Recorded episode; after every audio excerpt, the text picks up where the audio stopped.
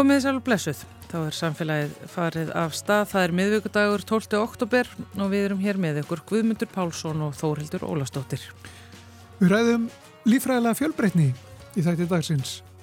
Nú er til umsagnar í samráðskáttinni svo kulluð grænbók um lífræðilega fjölbreytni íslenskra vistkerfa. Snorri Sigursson er sviðstjóri náttúruvendar hjá Náttúrufræðistofnun Íslands. Hann ætlar að fjalla um grænbókina á Rafnaþingi á eftir. En fyrst sest hann hér hjá okkur. Yfir miljardur úlinga og ungsfólks eru í hættu á að tapa heyrn vegna langvarandi tónlistarhlustunar með heyrnartólum. Heyrnar heilsa verður verulega skert í framtíðinni, verði ekkert að gert. Við ætlum að ræða við Kristján Sverrisson, forstjóra heyrnar og talmennastöðar Íslands og velta fyrir okkur uh, þessum málum. Svo eru málfarsmínutan á sínu stað og Edda Olgudóttir kemur í sitt vísindarspjall. Já, það eh, á að draga til tíðenda einu sinni sem oftar í þessu vísindarspjalli því Edda ætlar að svara spurningunni um hvort það sé óholt að borða á kvöldin. Komst að því og eftir. En fyrst er það lífræðileg fjölbreytni.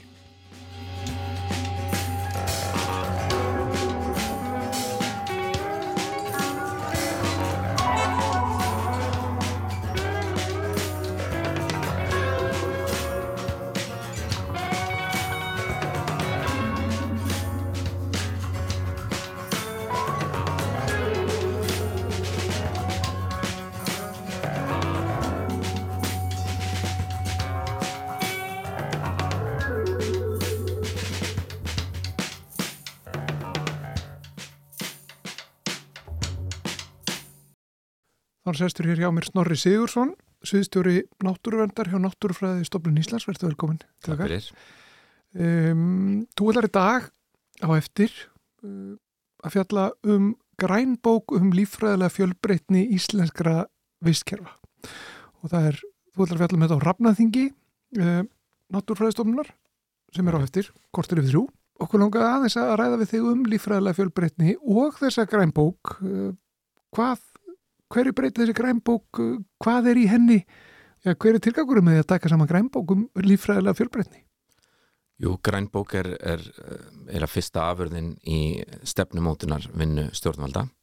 Þetta er sem sagt verklæðið hjá stjórnvaldum hefur mótast þannig á síðust árum. Það er unin grænbók sem, sem er svona, tekur saman uh, upplýsingar um viðfangsefnið, uh, helstu forsendur fyrir stefnumótunar vinnu og og oft er einhvers konar stöðumatt og síðan í framhaldinu er, er farið út í þá uh, raunverulega stefnumótun og svo afverður gætna kvöldu kvítbók og þar eru þá uh, hérna, verkefnin nákvæmlega skilgreind og útfærð og, og yfirleitt er aðgerða átlun sem fylgir því.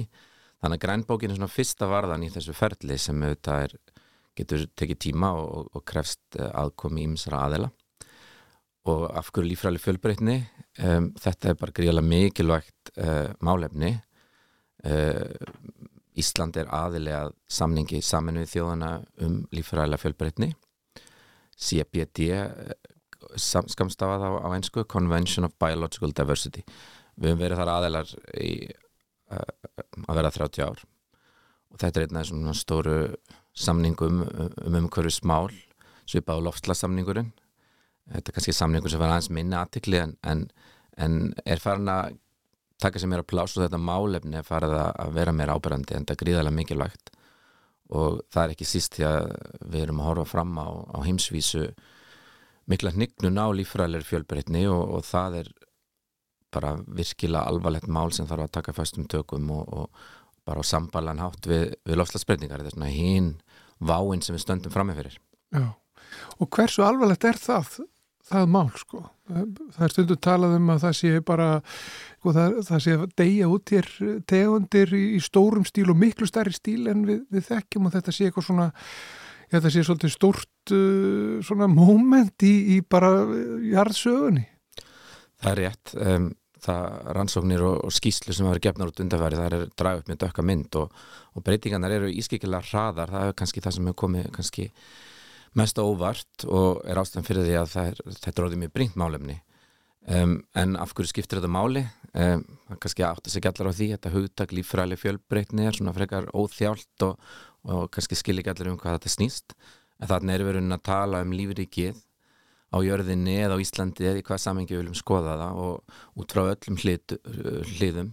Þetta er fjölbreytni tegunda, þetta er fjölbreytni samfélaga lífvera og vistkerfa í samspilu við, við umhverfið.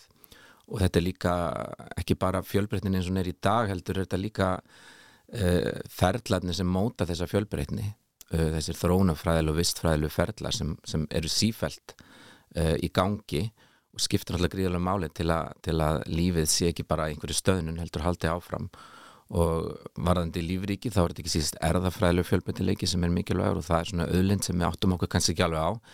En, en ef að hún tapast þá tapast tækifærin fyrir uh, þróun lífs til að kannski fara í alla þær áttir sem hún fer í, í venjulegum kringumstæðum. Og auðvitað með fjölbyrtileika lífsins þá uh, felast íminsar öðlindur og tækifæri fyrir okkur mannin ef, ef við horfum átt út frá okkar hagsmunum. Því að við auðvitað erum okkar lífskeiði byggjast að stæsta hluta til á þessum öðlundum uh, lífrikisins og jarðarinnar.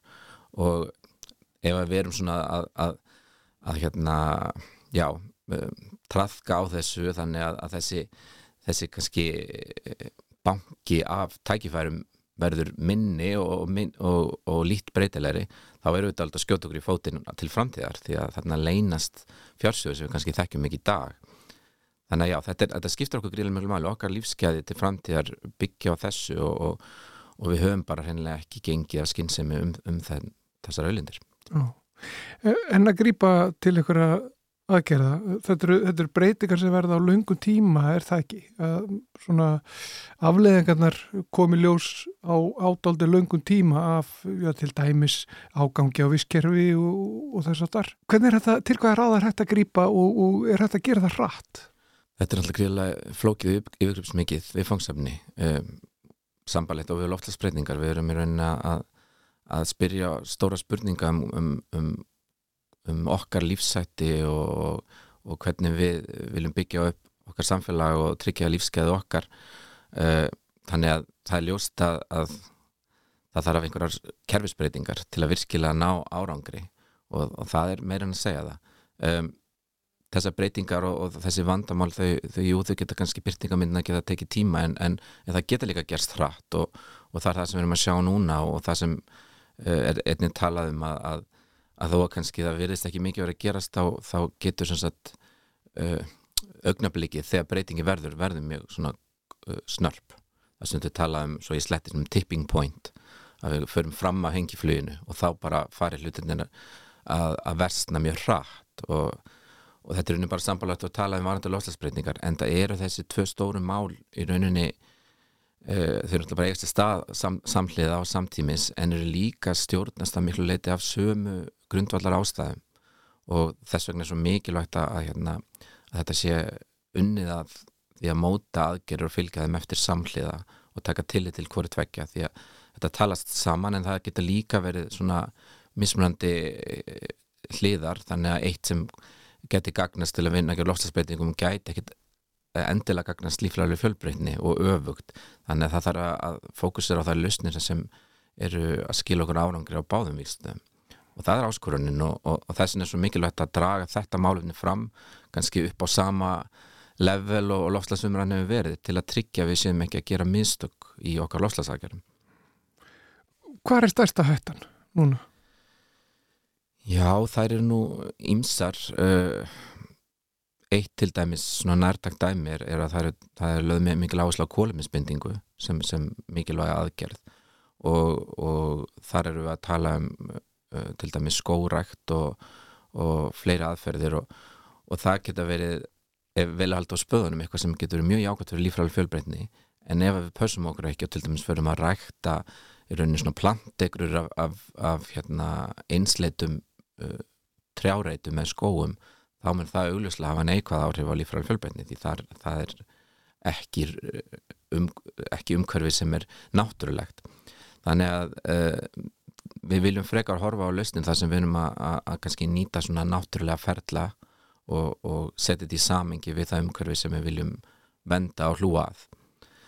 Um, já, svo bara rafbílavæðing til dæmis. Uh, það er frábært fyrir orkuskipti en framleysla á afbílum er ekkert umhverfisvænt heldur. Þannig að þetta þarf að rýna með tillit til hvaða viljunda að vera að sækja fyrir, fyrir rafluðnar og annað sem fer í þessi, þessi tæki. Vindmilur, annað gott dæmi. Það er vel þekkt að umhverfisárfa vindmilum geta verið neikvæð fyrir til dæmis fugglalíf þannig að já, við megum ekki vera bara gaggrínislaust að taka við öllum lausnum fyrir lofslagsmál og, og fagna þeim og, og setja þær á fullt heldur þarf að, þarf að rýna þetta mjög vandlega og finna jafnvægi þessu. Hvernig er staðan á Íslandi með tilliti til lífræðilegar fjölbreytni? Við erum auðvitað eiga við sömu áskoranir og aðrir. Við kannski getum sagt að til dæmis ef við byrjum okkur saman við Evrópu að, að, að mörg Evrópulönda við eigum enn svona eitthvað af ósnortinni náttúru í samabörðu við mörg Európa-lönd þar sem búið er að raskalega gríðalega miklu hlutværslega. Þannig að það er enn mikil tækifæri hér til að, að, að venda lífræðilega fjölbreytni eh, sem er svona, auðvitað, hún er auðvitað hverki algjörlega óröskuð en, en kannski minna röskuð og, og, og það sem þessi náttúrulega ferðlar eru tiltöla upprunalegir og, og í, í góði jafnmægi. Eh, en, en þetta eru auðvitað alþjóðlegt viðfangsefni og og við erum að sjá bara þessi stóru vandamál eins og plastmengun og, og, og búsvæða eyðing og, og ágengartegundir og þessi virkilega alvarlu mál þau eru ekkert síður af áhrif hér á Íslandi eins og annar staðar Hafa, hafa stjórnvöld almenningur verið hálfsofandi hvað þessu hinga til? Eru það þessar miklu breytingar sem eru að verða til dæmis loslæsbreytingar sem að vekja einhvern veginn fólk meira til umvöksunar um, um lífræðilega fjölbreytni? Já, þetta viðfangsefni var kannski svona litið á það sem svona mjög svona þröngt og sérhæft því þetta náttúrulega hafa kannski aðalega verið líffræðingar og aðri náttúrfræðingar sem hafa verið mest að tjásum þessi mál og ég hef svona innan, innan síns geira. En, en þegar maður skoðar einmitt þessar orsakir fyrir þessu vandamáli þá eru þetta eh, hefur þetta bara skýrskotin í allt, alla mögulega geira og þetta eru málutin sem allir eiga að kynna sér á að skoðun á því að það eru okkar ákvarðanir á öllum stöðum sem, sem hafa mesta vikt um, um árangurinn í, í þeim aðgerðum sem það er að fara út í. Þetta eru þessi, þessi neyslu mál og, og umgengnu okkar við náttúruna og, og í rauninni sömu aðrin og við erum svona að reyna að taka til líka hvert loftsmálunum. Flest öll eru uh, munum skila árangri þarna því að við viljum draga úr óþarfa neyslu, við viljum endur nýta betur og, og hérna, já, hugsa hvaða ár afleðingar uh, aðgerður okkar hafa á umhverfið. Aðeins að því sem þið gerir hjá, hjá Náttúrræðistofnun, hvernig, hvernig eru ykkar verkefni með tilliti til, til þessa máls uh, lífræðilegra fjölbreytni? Jú, okkar stofnun hefur það hlutverka að vera miðstöð þekkingar og rannsókna um, um meðalans lífræðilega fjölbreytni, um náttúru Íslands, það sem auðvitað jarfræði líka og fleira en, en en, en lífrikið er, er virkilega vega mikill þáttur. Það eru grasafræðingar og dýrafræðingar sem vinna í okkur og, og stunda grunnrannsóknir. Og við hefum kannski sérstaklega uh, skilgreynd hlutverka að, að svona kortleggja og skrásetja náttúr Íslands að hafa þetta, þessa yfirsýn yfir uh, þá fjölbreytin sem ég er að finna og stöðuna á henni. Við þurfum að líka að meta uh, hvar er þörf á, á vendun og hvernig vendun og veita þá ráðgjöf til stjórnvalda þannig að uh, við hefum mjög mikilvæg hlutverk að gegna og ekki síst líka miðla og fræða um, um lífrikið og, náttúruna Já. Og fáið þið sveirum til þess? Fáið þið það sem þið þurfið?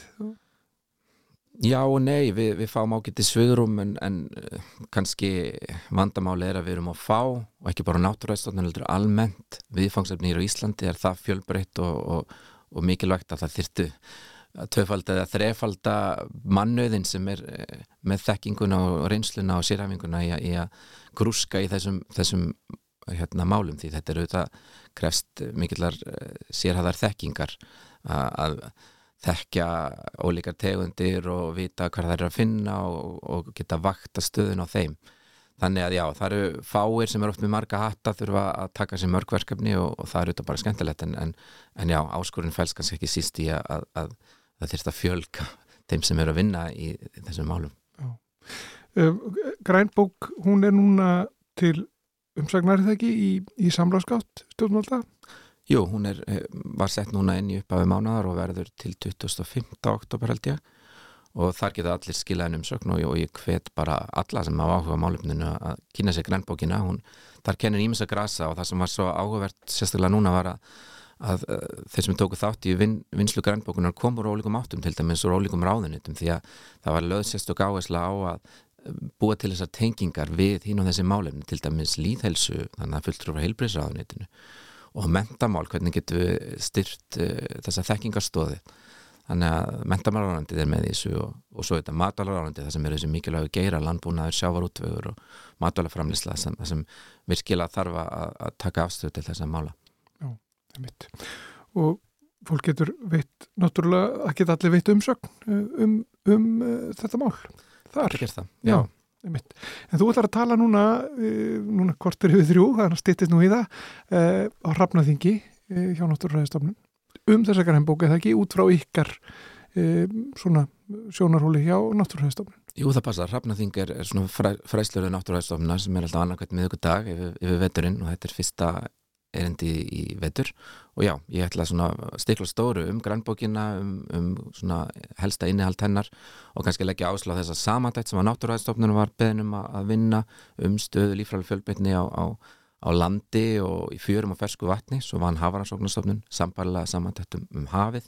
Og þessar samandætt eru, eru fylgiskjöl með grannbókina, þannig að líka þetta kynna sér þau, þær, þau sérstaklega.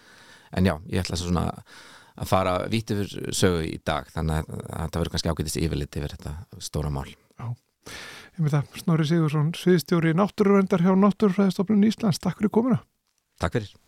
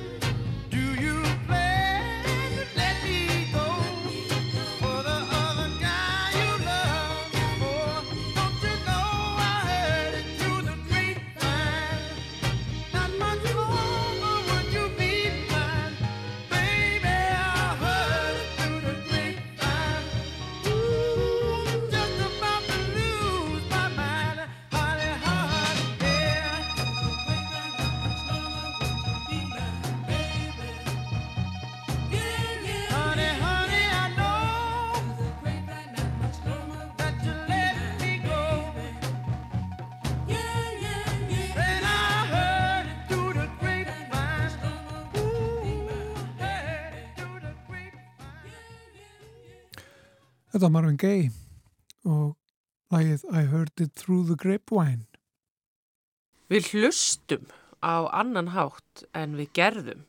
Stór hluti fólks, sérstaklega þau sem yngri eru, hlusta nú bæði á tónlist og tal, aðalega í gegnum hernartól. Hernartól sem oft fara bara svona lengst inn í hlustirnar á þeim. Já, það er þetta með hernatóla notkunnuna. Hún hefur aukist bara afskaplega mikið. En uh, hvaða áhrif hefur það á hernar heilsu?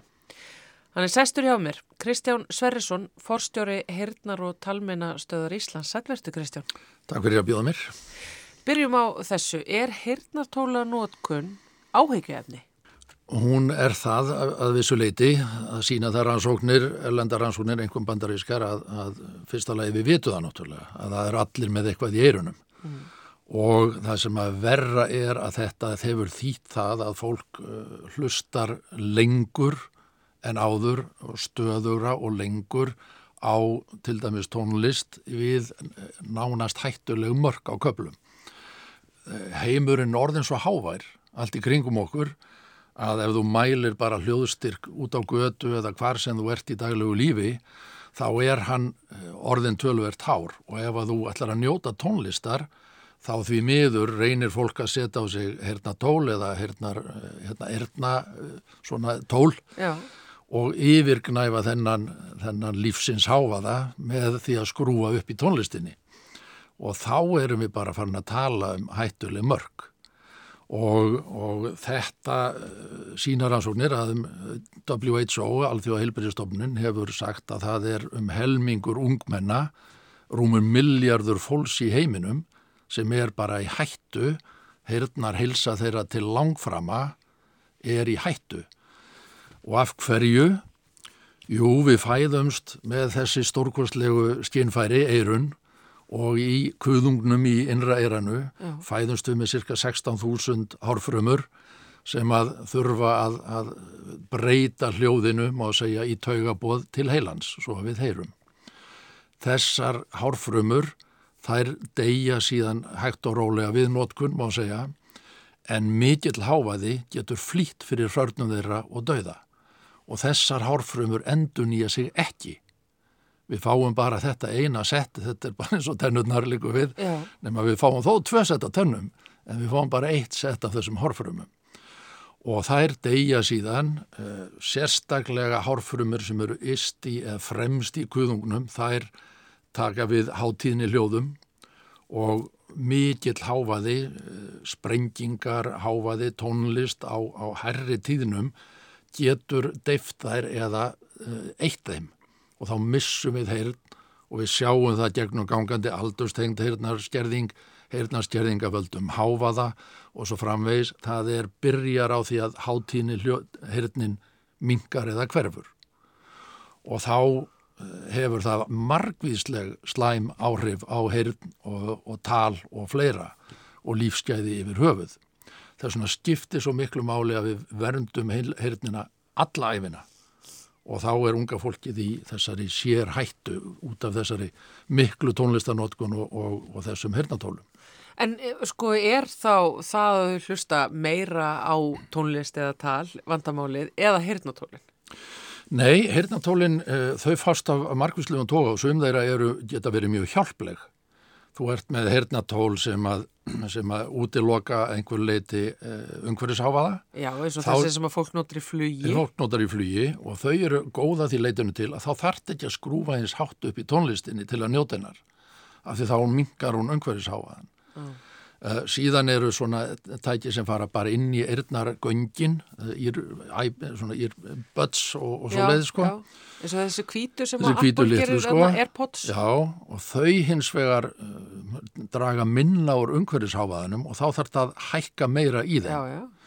Uh, síðan ertu með svona eins og þú ert með á eirunum núna sem að leggjast alveg yfir, yfir eirun svona, svona múfur, svona vinnuhirnatól þau eru sömulegið sko og þau loka á umhverfisháfaðan en fólk er stundum í þannig vinnu að þú getur ekki lokað á allan umhverfisháfaða, þú þart bæða heyra en þú vilt hlusta tónlist og þá fer verða hættan á þessu að þetta sé of mikið áreiti á eirun hátti of lengi. Og það eru svona þumalputta reglur um hvað þú þólir háaða mjög lengi.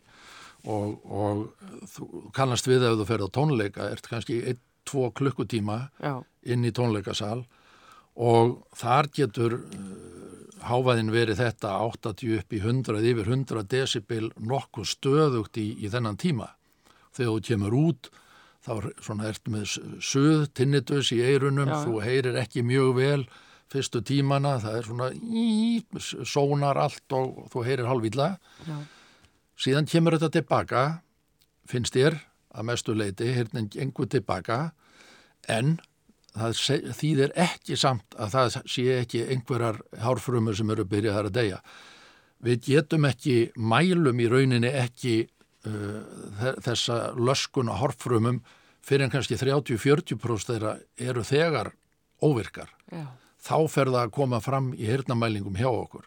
En það er pínu óhugnarlegt með við það sem að þessa bandarísku rannsóknir eru þá að sína og, og hvað eh, einn miljardur ungs fólks er í, í hættu á að tapa herrn. Mm. Er við þá bara búa hér til kynslu sem eftir að alast upp og verða hernarljus? Ekki hernarlaus, en, en hernarskert. Uh, mögulega hernarskert og þá, þá náttúrulega skadar það öll tjáskipti fólks.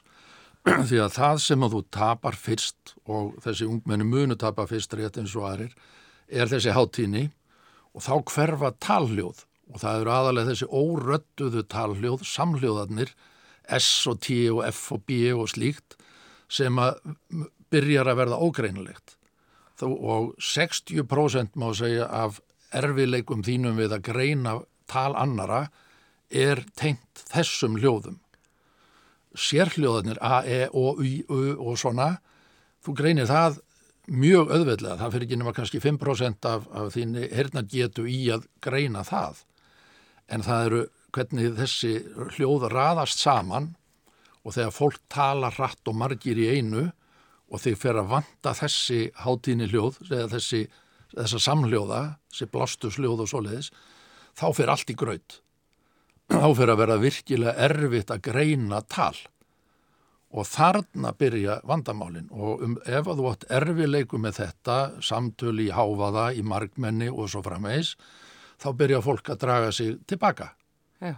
Og það veldur þá einangrun, uh, þú fer að draga það út úr félagslífi, þetta veldur þunglindi og öllum mögulegu öðru. Og auðvitað þá það að þetta unga fólk mun þurfa herna bætandi aðgerðir, hernatæki og svo framvegs fyrr á æfinni en ella. Þannig að við erum að tala um að við erum líklega að fara að fá á okkur heyrnarskertasta hóp sem að við höfum nokkuð til að fengja áður í hendunar. Mögulega að vísu, elsta kynsluðin í dag sem að við erum með, það er mjög mikið af illaheyrandi fólki og það er vegna þess að það var ekki minn en að heyrnarlífar á sínum tíma. Vann ah, mjög, mjög háværa vinnu, bændur, vélstjórar, jarðítustjórar og svo framvegis og svo framvegis sem að unnu við í fiskvinnslu fólk og kennarar. Já, já. skulum ekki skil, undarskilja þá því að hávaðin í kennslustofum hér áður var geysilegur. Allt þetta fólk kemur til okkar núna og er orðið verulega hérna skert og það er bæði aldurstengt af því með aldrinum þá degja þessa frumur eins og aðra frumur líkamanns en svo líka bara þessi hávaði. Og við sjáum þessa klassísku heyrnaskerðingu vegna hávaða já, elstu kynnslóðinni Svo lagast þetta svona á miðjumaldri af því að það kom til ný vinnulögjöf og fleira og, og marg, margvíslega hirna vernd í gangi og þar á vinnuvernd og, og umhverjastofnun og fleiri e, góða einkomu. Það er komið nýtt laga um hverjum hljóðvist í skólum og svo framvegis á síðustu 20 árum sem hefur bætt þetta.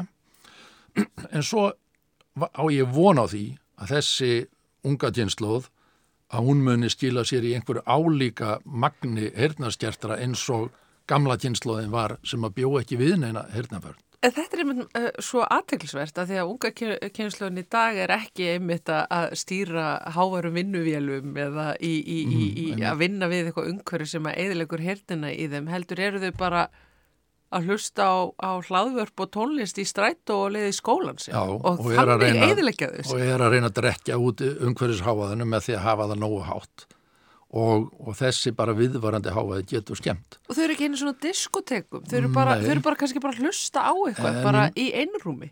Enga síður þá er, eru þetta pöppar, Líkansræktastöðvar eru skjelvilegar Já, já. til dæmis. Það er ofbóðslegur háfaði í mörgum tímum þar og þar ertu inn í, í þetta kannski 40-50 mínútur í háfaða sem er yfir hættumörkum Glimjandin alveg. og mjög vond hljóðvist, mikill glimjandi og það skiptir líka máli fyrir heyrnina.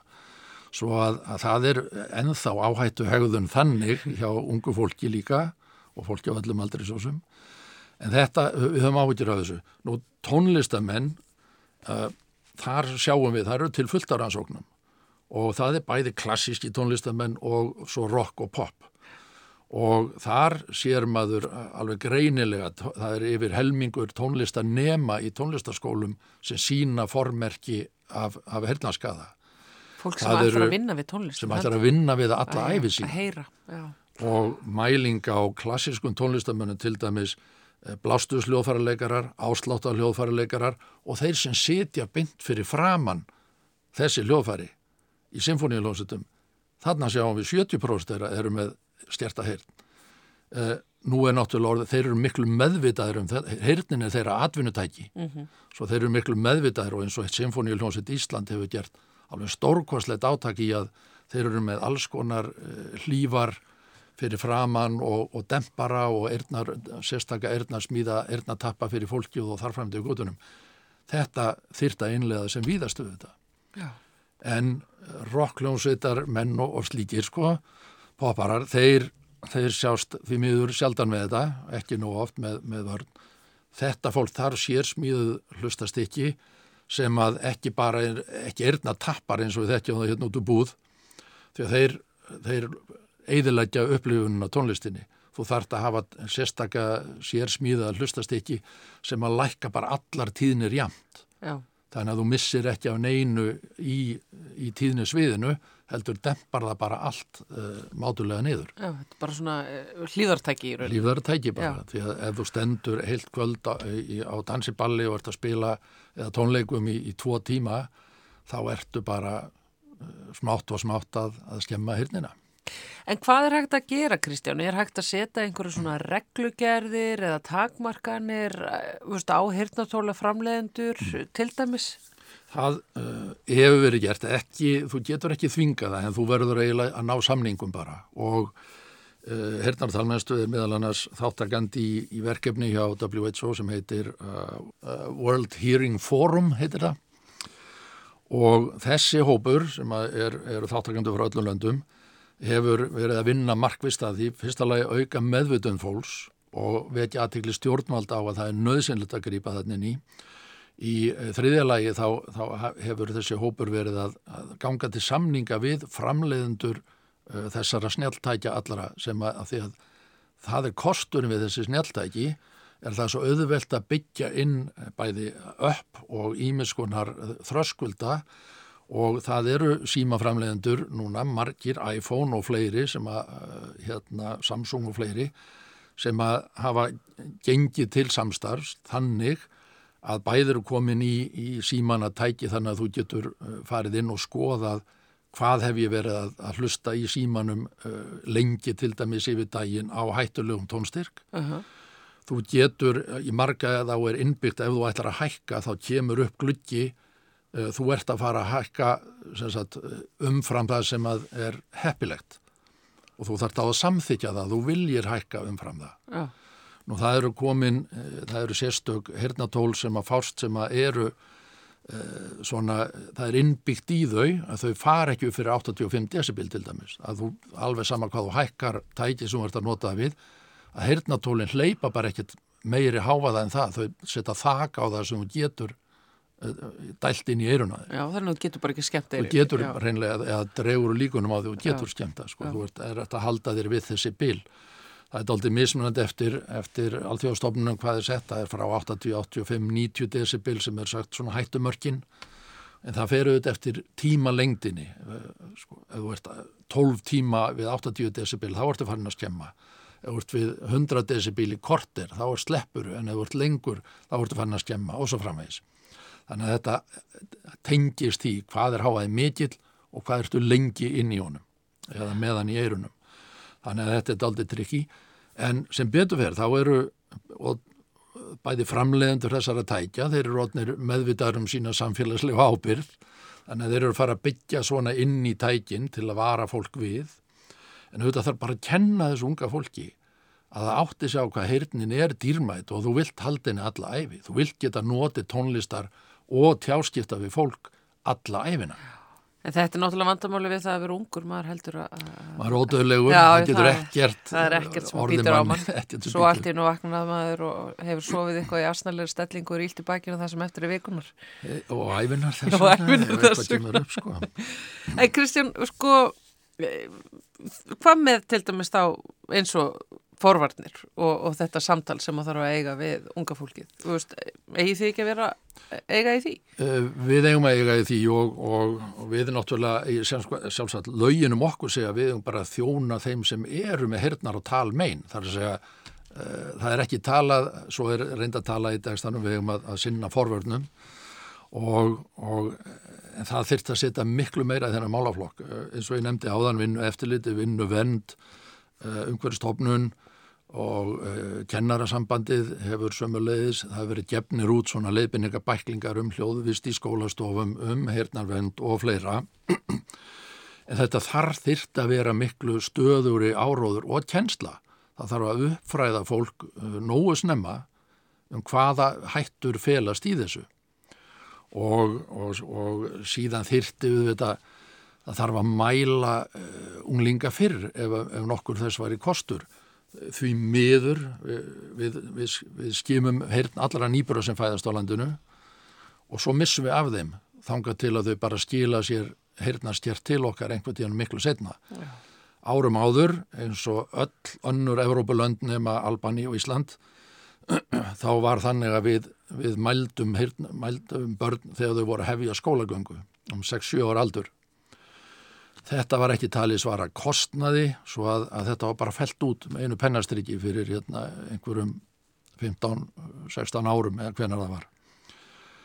Mjög á móti okkar ráðleggingum í Hærnar og Talmennstöð og við höfum marg hvað til þess að þetta verið tekið upp aftur fyrir að börn geta mist heyrn á ymsum orsökum frá því að viðmælum þau heyrandi nýfætt. Það getur alls konar hluti komið upp veikindi, slís og svo framvegis, eitthvað argengt og fram, svo framvegis. Og við fá, erum að fá til okkar börn setna sem eru með stórkostlegan málþróska vanda og, og talvanda, námsvanda og slíkt eh, sem kemur frá skólum, greint af ímest talmennafræðingum eða, eða kennurum eða, eða í heilsugjæslu, sem að kemur þá í ljós að börnin eru verulega hernastjert. Kanski alveg hernalös á öðru eiranu eða mismikið hlutnastýring á öðru eða báðum. Og þessi börn eh, dragast aftur úr í málþróska, þau þurfa mjög mittla einbeitingu til að hlusta og heyra í námi, þannig að, að þeirra vinnudagur í skólanum verður miklu erfiðari heldur en annara mm. og það brýst út í, í alls konar aðeglisbresti, þreitu, pyrringi og, og, og svo framvegis. Já. Þannig að það skiptir miklu máli að vera vakandi fyrir þessu og helst þyrstum við að geta eins og sé gripið inn í, mælt þessi börn fyrr. Og svo eh, við vorum nú með á degi heyrnar í mars á síðast ári svona vitundavakningu aðeins til eh, tónlistarmanna og viðbörðarhaldara við þýttum hér eh, þennan Global Standard for Safe Listening Venues and Events sem að WHO gaf út og við reyndum að senda það út á sem flesta viðbörðahaldara og, og, og samkomi staði og þess áttar því þar er uh, verið að hvetja til að mæla háfaðan og það geta allir hlaði niður mismunandi öppum í síman sinn og mælt bara háfaðan ég með í appinu, í símanu hjá mér app sem ég get hvena sem er bara kveikt á þá sé ég hver er háfaðin í herbegjunu, hvað er háfaðin út á götu í bílunum og svo framvegis og ef maður gerir þetta regla, þú getur gert þetta í kjenslustofu, kveikt á þessu og haft þetta upp í augnablík ef börnin ekki þagna og þá sérðu bara á línuritunum, þú ert upp í hættumörkum ég vil 10-15 mínútur stöðugt út af háaða þetta myndi kenna krökkunum líka. Já, við þurfum aðeins að dempa okkur hérna. Við erum bara valda kennarinnum og okkur sjálfum vandraðum til langframa Og allt sem er í þessum símum hafaðu áhuga á þannig að... Já, og nú er komið svo mikið af svona tækni, tækni gadgets sem að geta, geta hjálpað til að kenna þessum krökkum uh, um hættuna. Bara rétt í lógin, Kristján, uh, hvernig heyrnatól notar þú, ef ykkur?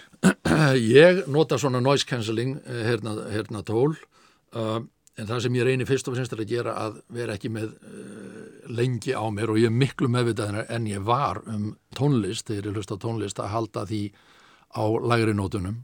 Þegar ég var ungur þá var ég svona eh, ekki hrættu við neitt, uh, vann með hljónsettum, stóð við hátalarabóksin hérna fyrir framann og, og kom heim gjörsamlega hernalaus og var með, með háaðan í, í eirunum bara á eins miklu blast og ég gat sko og rock og roll og allt það.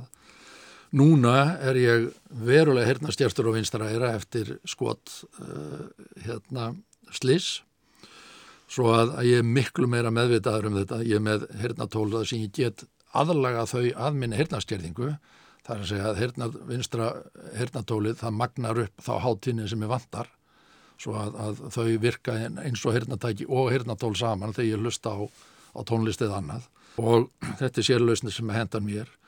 En ég passa bara, ég passa mér mjög á þessu og ég er orðin auðvitað svona doldi fanatíker þegar ég er inn á svona stöðum þar sem hljóðvist er alveg skjálfileg þá fer ég upp og hundskamma fólk eða, eða byggða fallega um að, að reyna nú átt að segja á hvað það er að gera. Já. en það þarf að gera miklu meira og heyrnar vend á Íslandi heyrnar heilsa, það er engin stefna til um þetta, það er engin það er mjög litlu fjármunum veitt í þetta Við erum hjá okkur, við erum með sjö af nýju hernafræðingum á landinu, jafnstórt uh, svæði á Norðurlöndunum er með 45-50 hernafræðinga til að glýma við þetta. Við á hernar og talmennistu erum með næri 2000 manns á byggðlista eftir okkar þjónustu og þá getum við ekki synd svona forðandarstarfi. Þá erum við bara að taka við slísunum. Við getum ekki verið að fyrirbyggja slísin, við erum bara að taka afleggingunum og það verður að gera eitthvað til að breyta þessu.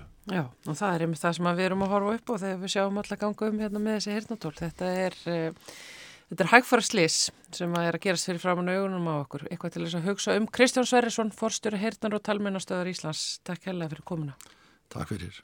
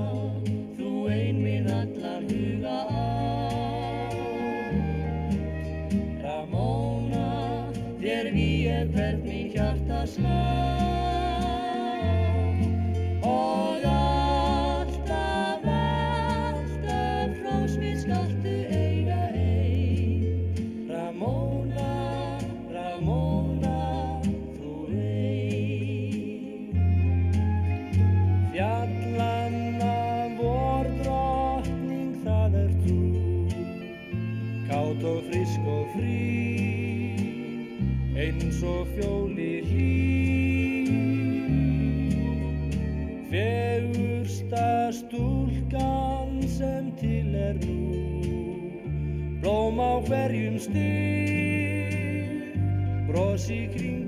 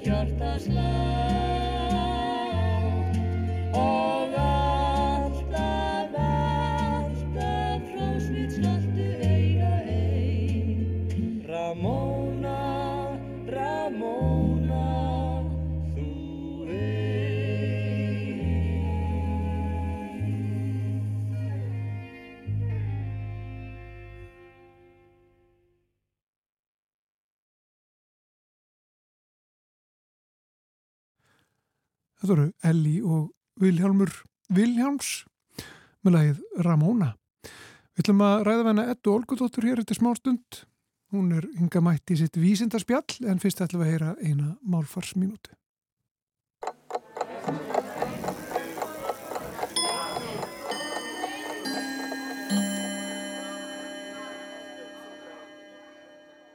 Hvern hefði grunað að orðið grunur væri forvitnilegt orð? Það hefur til dæmis ymsar merkingar. Í fjölmiðlum er lögfræðilega skilgreiningin algengust en er algengast að nota orði grunur þegar fjallað er um sagnæmt aðtæfi í fjölmiðlum. Í lögfræðilegu merkingunni er grunur ætlun eða meining einhvers um refsiverða háttsemi annars manns. Eða sem sagt, lögregla eða saksóknari getur grunað einhverja eða einhverjar tilteknar personur um að hafa brotið lög. Grunur er einni hugtaki í uppeldis og sálarfræði þar sem það merkir óljós og órögstutt vittneskja. Það er til dæmis nota þegar talið er að einhver frávik séu í þroska bars sem væntarlega þarf þá að kanna betur. Svo hefur grunur almennamerkingu, þá sem við flest notum í daglegu tali. Þá er grunur einfallega tilneying til að halda eitthvað.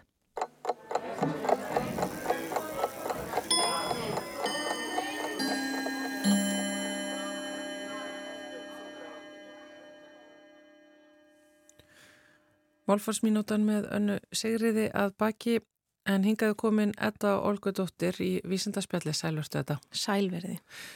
Þú ætlar að fjalla um uh, kvöldátt. Mm -hmm. Einmitt. Við þekkjum þetta örgla flest sko og, hérna, og þetta er svona gömul sannind og ný eða sannind innan gæsalappa að það hérna, er ekki holdt að borða kvöldin og allir sem hafa eitthvað tíman hérna, hugsað um að grenna sig eða þekki eitthvað sem hefur hugsað um að græna sig eða bara eru með eiru hafa heyrt að maður á ekki að borða á kvöldinu því það er rosa óholt Já. og það eru ákveðna svona rannsóknir sem að benda til þess að það íti undir hérna fytusöfnun að borða á kvöldin en samt finnst manni kannski svona rögrétt hugsað bara að ef að orka inn er sama og orka út að þá skiptir ekki máli hvenar þessi orka er tekin inn Já. eða hvað. Og, hérna, og við höfum ekki beint neinar rannsóknir um það hvað það er, hvort þetta hafi einhver áhrif á okkar svona hormónabúskap að borða á kvöldin eða ekki. Og þessar rannsóknir þar sem er verið að, að sína fram á einhver tengsl að þar er hérna, þar er fólk sko skoða til dæmis með spurningalistum eða fylst með fólki í sínu umhverfi í ákveðin tíma og, og svona mælt fyrir og eftir hvort að hérna, át á kvöldin, hvort að fólk sem að borðar á kvöldin er frekar líklegt til að sapna fytuforða heldur en þau sem borða ekki á kvöldin uh mhm. -huh. og það getur alveg átt sér útskýringar eins og bara að við sækjum frekar í sætindi á kvöldin eða að þessi, þetta sagt, át sem á sér stað á kvöldin er kannski aukalega ofan á allt hitt sem við höfum borðað yfir daginn. Þannig að nú var rannsóknarhópur sem stopnun, sem er að vinna við stopnun sem er tengt hérna Harvard Medical School í Boston og var að skoða fólk í mjög svona stjórnuðu umhverfi hvort að það hefur, hver áhrifin eru af því að borða seint og það sem að þau gera, þau eru með hérna 16 þáttakendur og þáttakendunir fara semst allir í gegnum sama, sama tilröina fasan. Það er annars vegar að borða þá, uh, byrja að borða sko klukka nýja mótnana og svo rúmlega fjórum tímum setna þá borðaðu næstu máltíð og svo fjórum tímum setna þá borðaðu þriðju máltíð dagsins og svo hættaðu og það þýðir að þeirra síðasta máltíð er eitthvað tíman um hálf sex. Og svo hérna, endur takaðu leikin og þá far, fer hópurinn í gegnum uh, tilraun þar sem að þau byrja ekki að borða fyrir enn tólf eða eitt á daginn. Og svo rúmlega fjórum tímum setna þá fáðu máltíð nummið tvö og svo aftur fjórum tímum setna sem þýðir að þeirra síðasta máltíð er þá í raun og veru eftir okkar kvöldmatartíma eða rúmlega, hálf, eða rúmlega nýja kvöldin. Mm. og það er það sem á svona herma eftir þessu að borða á kvöldin og það, það er bara svona tilviljana kent hvort að þau byrja á því að, að fara í hérna þennan snem hóp eða, eða seint hóp en allir fari gegnum sama ferlið og til þess líka sko að hafa ennþá meiri stjórn á þessu að þá er hérna, ákveði svona á góðri íslensku flush out hérna, skeið á undan þar sem að þau uh, borða bara máltíði sem eru hérna, tilbúin, sem er búið til fyrir þau. Og þeim er sagt að hérna fara að sofa á ákveðnum tíma og það er svona verið að reyna að stjórna umhverfið þeirra áður en að þau byrja í sjálfrei tilrauninni sem að tekur þá sex daga. Já.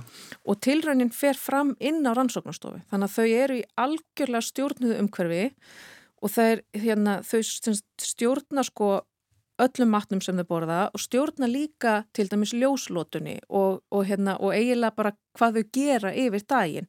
Þannig að það er svona verið að reyna að að taka út alla þessa þætti sem að við kannski tökum ekki eftir þegar við erum í ykkur svona rannsók þar sem við svörum spurningalista. Og veist, ég man ekkert alltaf að ég fekk mig líka súkulega móla hérna, eftir setna kaffið eða eitthvað svo leiðis að það er algjörlega þau hafa algjör stjórn á þessu og meðan á þessu stendur og þá eru tekna blóðpröfur reglulega yfir daginn til þess að mæla uh, hormón í blóðinu sem að gætu gefið vísbendingar um það hvort að, að fólk er hérna, svánt eða satt eða hva, í hvaða formi líka minn er. Og svo þar að þau ekki að þá takaðu líka síni úr fytuvef ekki úr öllum einstaklingum, það eru með sjö síni úr sagt, snemhópnum og sjö síni úr seinthópnum og ég svona gef mér að þetta hafi verið sömu einstaklingarnir sem að gáfi þessi síni þó að þessi ekki sérstaklega tekið fram og skoða svo hvaða genatjáningar í gangi í fytuvefnum af því að fytuvefur er mjög lifandi vefur þó að hann sé forðavefur og er bara hugsaður, ja, hugsaður innan gæsalappa til þess að við séum sko bara geima orkuna en þá er hann mjög virkur og seitir alls konar bóðefnum sem að segja okkur hvað við eigum að vera að gera og hvernig við eigum að vera að haga okkur. Og þau horfa sérstaklega á tvö hormón í blóðinu sem að heita leptín og grelín og leptín er svona settuhormón það er hormón sem að, hérna, sem að einmitt fytuvefur býr til eða seitir út og segir okkur, hérna, þú þarft ekki að borða meira, Við, eh, það er bara alveg nógu orku hér. Já. og svo er grelín sem er hérna, búið til í, í meldingafærunum og það er hormónu sem er að segja, hérna, nú er ég ógesla svöng, svöng og ég verða að fá eitthvað að borða. Og þessi hormón er alltaf svona kallast á í líkamannum til að segja okkur hvort við þurfum að borða eða hvort við erum að hætta að borða. Og þegar þau skoða þessi hormón í blóði einstaklinga og bera saman semst hópin sem er að borða snemm á daginn og hópin sem er að borða sent á daginn að þá sjáðu að það er minna um leptínhormónið hjá þeim sem að borða sent á daginn. Og leptínhormónið er hérna settuhormóni. Það er hormóni sem segir okkur að við erum að hætta að borða. Já.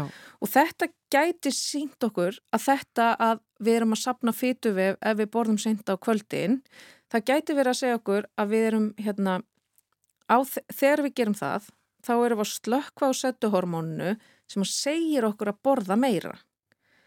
Af því að þannig eru þau bara í mjög hérna, stjórnuðum aðstæðum og hafa ekki val um að borða meira allir, hérna, báðir hópanir er alltaf að borða jafn mikið þannig að þau hafa ekki val um að borða meira en þau myndu kannski vilja borða meira en svo þar að auki þegar þau skoða hérna sínin úr fytuvef að þá er þar komin í gang einhver genatjáning sem að bendir til þess að hérna, vefurinn er að fara í uppbyggingu. Það er að fara af stað einhvers konar fytu forðasöpnun, jáfnvel þó að sko, og þannig eru, sem er mjög merkilegt vegna að þannig eru við sko, það er ekki auka orka hjá þeim sem borða seint með við þá sem að borða snemma, af því að báðir er að fá jafn mikla orku yfir daginn. Það er bara spurningum hvenar þú setur hana inn í Já, kerfið. Nákvæmlega. Og þá er hérna fytuvefurinn samt farin að undibúa sig undir að, að hérna, byggja sig upp og geima eitthvað auka orku.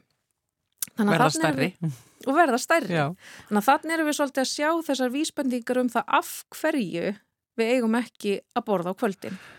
Og þetta er náttúrulega sko, hérna, alltaf þegar maður fer að, að skoða svona rannsóknir og, hérna, og ræða þetta, veist, hvernig á að, hvernig á að hafa stjórn á sko í raun og veru bara fytusöfnun, þá dettur maður alltaf inn í þetta hérna, allir verða að passa í kjólinn fyrir jólinn og allt þetta hérna, mm -hmm. leiðum við bara að segja kæftæði. Já, já, þetta er náttúrulega alveg viðstöðlust þetta megrunar uh, líkansræktar átök uh, veist, allt saman. Einmitt, og, bara... og, og yfirleitt á sko raungum forsöndum Mjög. vegna þess að það að við séum að sjá aukningu á ofþyngd og offitu í samfélaginu það getur haft svo rosalega áhrif á lífskeiði fólks þetta hérna ítir undir aðra sjúkdómamyndun. Að vera með þessa, þennan aukaforða ítir undir myndun krabbameina, það ítir undir hérna, myndun síkusíki 2 þannig að það er fylgni þarna á milli sem við viljum klippa á.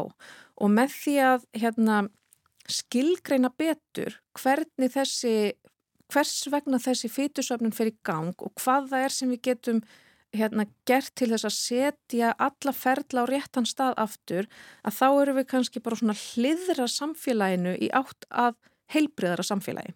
Það sem við sjáum minna um sjúkdóma sem er erfitt að meðhendla. Já, og bara lengra hátegisli, hljóma, hljóma bara nokkuð gálega. Já, væri það ekki bara gott á allan hátt? Já, ég, bara, ég var alveg til í það. En jú, þetta er svo sem, eh, eins og ég segi, þetta, þetta er alveg eitthvað sem maður hefur heyrt mjög oft og, og hérna, en ég trú þessu núna, fyrst að þú ert að segja þetta. þetta. Fyrst að þetta er staðfest með rannsóknum og vissulega kannski eitthvað sem maður getur kannski farið að skoða hjá sér, guðmundur. Já, ég bara þetta er mjög áhört á mista kosti. Þorður, er það ekki? Nei, nei, já, ég er bara ætla ekki að opna munnin eftir klukkan 8 kvöld. Það má tala á kvöldin. Mm. og það má draka vatn á kvöldin. En var ekki mikið að draka kaffi? Ég held að það sé ekki gott heldur. Oh, og það spila náttúrulega allt saman sko vegna að þetta með að, að borða á réttum tíma það er til þess að hitta inn í réttan takt hjá líkamsklökkunni og kaffi er náttúrulega svolítið að trubla hana.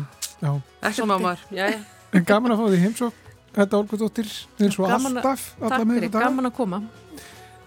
En þannig ljúku við samfélaginu. Uh, þannig að hvað er komið þú eru þetta miðugudagur það er miðugudagur, jújú 1. oktober uh, við ætlum að segja þetta gott. Við verum hér aftur á morgun að sjálfsögðu á okkar tíma millir klukkan 1 og 2 verið sæl